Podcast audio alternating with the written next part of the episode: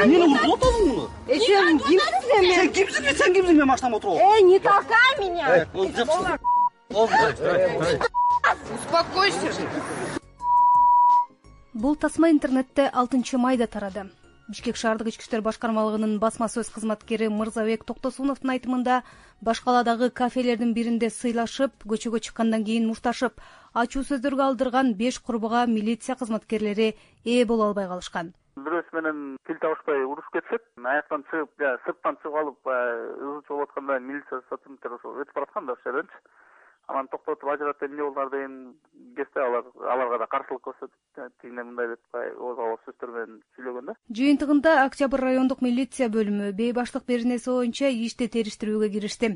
Ал аяктагандан кийин сот чечиминин негизинде кыздарга айып пул салып же беш күндүк камак жазасы чектелмекчи социалдык тармактар бул тасманы талкуулап бүтө электе казакстандан малайзияга бараткан учакта кыргызстандык жыйырма үч жаштагы мас кыз чыгарган жаңжалды көргөзгөн видео тарады. Ал кыздын чыгарган тополоңунун айынан учак кырк беш мүнөт кечигип сапарга чыкканын казакстандык жалпыга маалымдоо каражаттары жазып чыгышты. Казак милициясы бул боюнча административдик протокол түзүп анан бошоткону кабарланды. Давай я подожду давай исправь давай. Вы что делаете девушка успокойтесь ужас! Мындай көрүнүштөр акыркы кезде кыргызстанда көндөм адатка айланып бараткандай. Маспы сообу мектептеги тесттер окуучу кыздардан тартып акыл токтотуп калган аялдарга чейин сөгүнүп бири бири менен эркектердей мушташканы бири бирине же башкаларга үстөмдүк кылганы жөнүндө видеолор интернетте байма бай пайда болууда.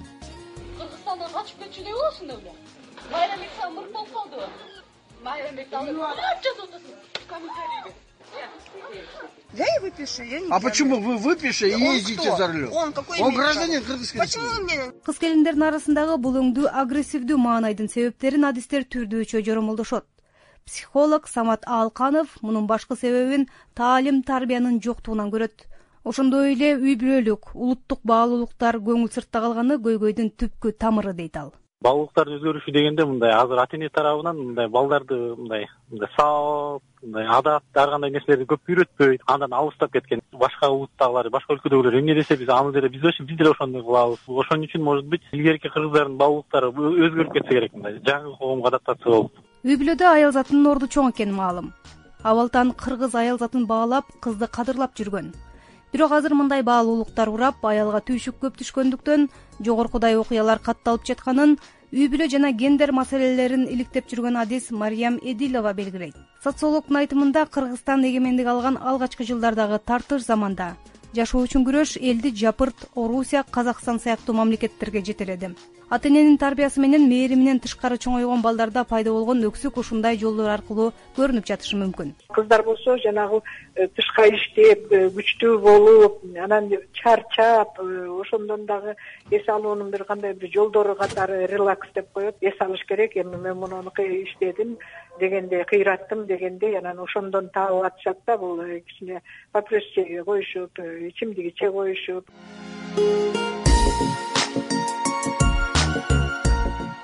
сиздер азаттыктын аял зат берүүсүн угуп жатасыздар? Биз кыз келиндер арасындагы агрессиялык маанайдын көбөйүп жатканынын себептери тууралуу сөз кылуудабыз. Бир миң тогуз жүз токсонунчу жылдары советтер союзу ыдырагандан кийин кыргызстандагы жапырт миграция агымына аялдар кабылганы белгилүү. Ал кезде көбүнчө аялдар иштегени сыртка кетип күйөөлөрү балдарын карап калган болсо азыркы тапта бөтөнчө элет жергесинде ар бир үйдүн жок дегенде бир мүчөсү сыртта жүргөнүн статистикалык маалыматтар көрсөтүүдө аял затына туура келбеген жүрүм турумдары менен коомчулуктун талкуусуна түшкөн кыз келиндердин балалыгы дал ушул доорго туш келген.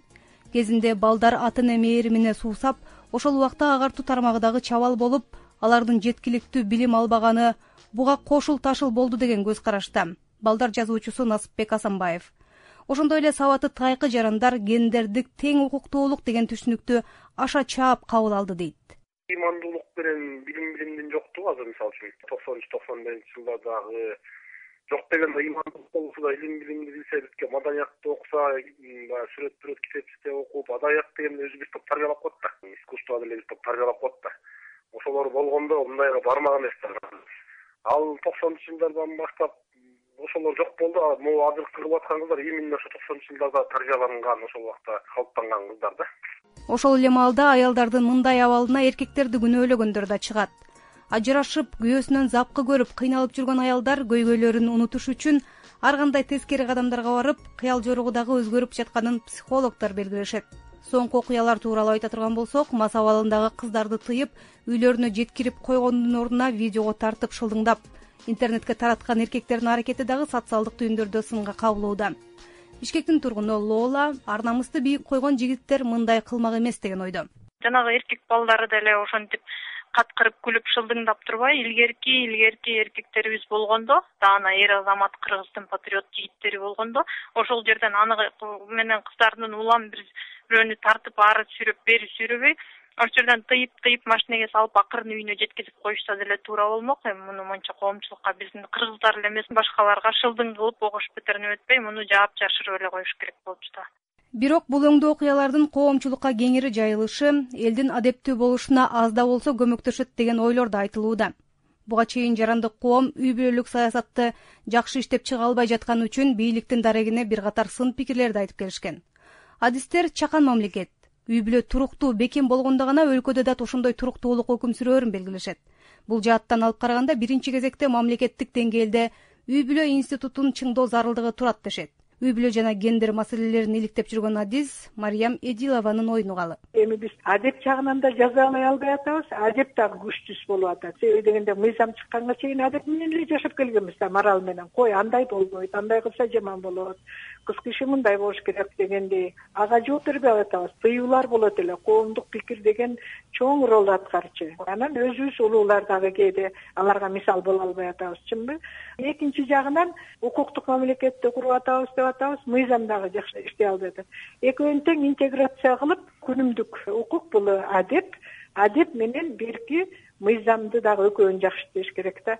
Адеп деген тыюулар уят кароо ушундан башташыбыз керек. Коомчулукта жамаатта үй бүлөдө туугандардын арасында коллективде ой уят болот момундай деп. Айтпайбыз да унчукпай кете беребиз кайдыгербиз да.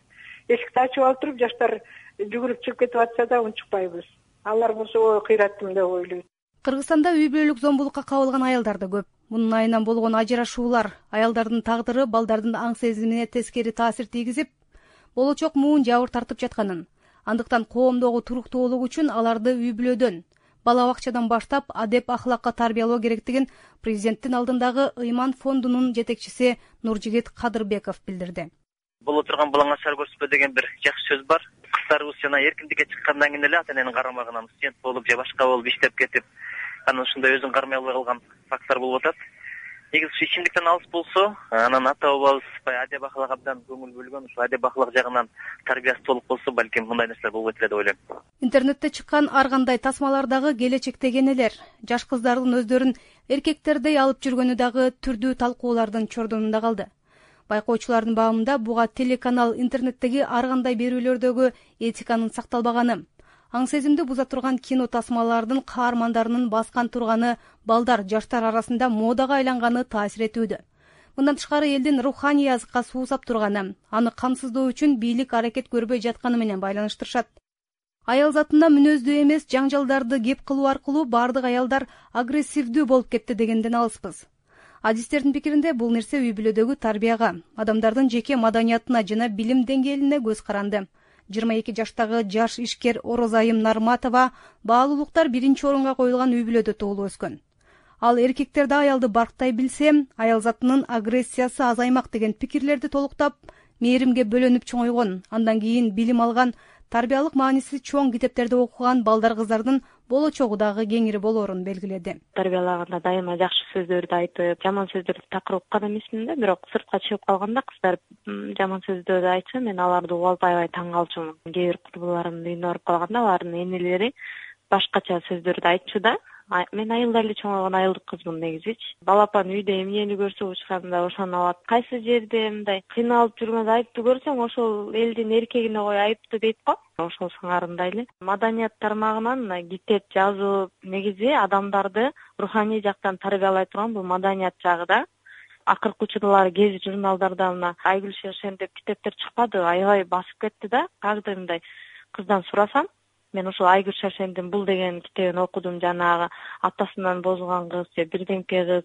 ушинтип өлтүрүп чалганда ичинде ушундай акылга сыйбаган окуяларды жазган да. Ошонун айынан жанагы балдарын таштап кетти күйөөсүн жиликтеп салды деген нерселер аябай көбөйүп атат да. Биздин элибиз өзүнө тез кабыл алып атат экен ороз айым жалпы билим берүү мекемелеринде кыздарды тарбиялоо кээ бир учурда чогулушка салып уят кароо менен ар кандай терс көрүнүштөрдүн алдын алса болот деген оюн кошумчалады.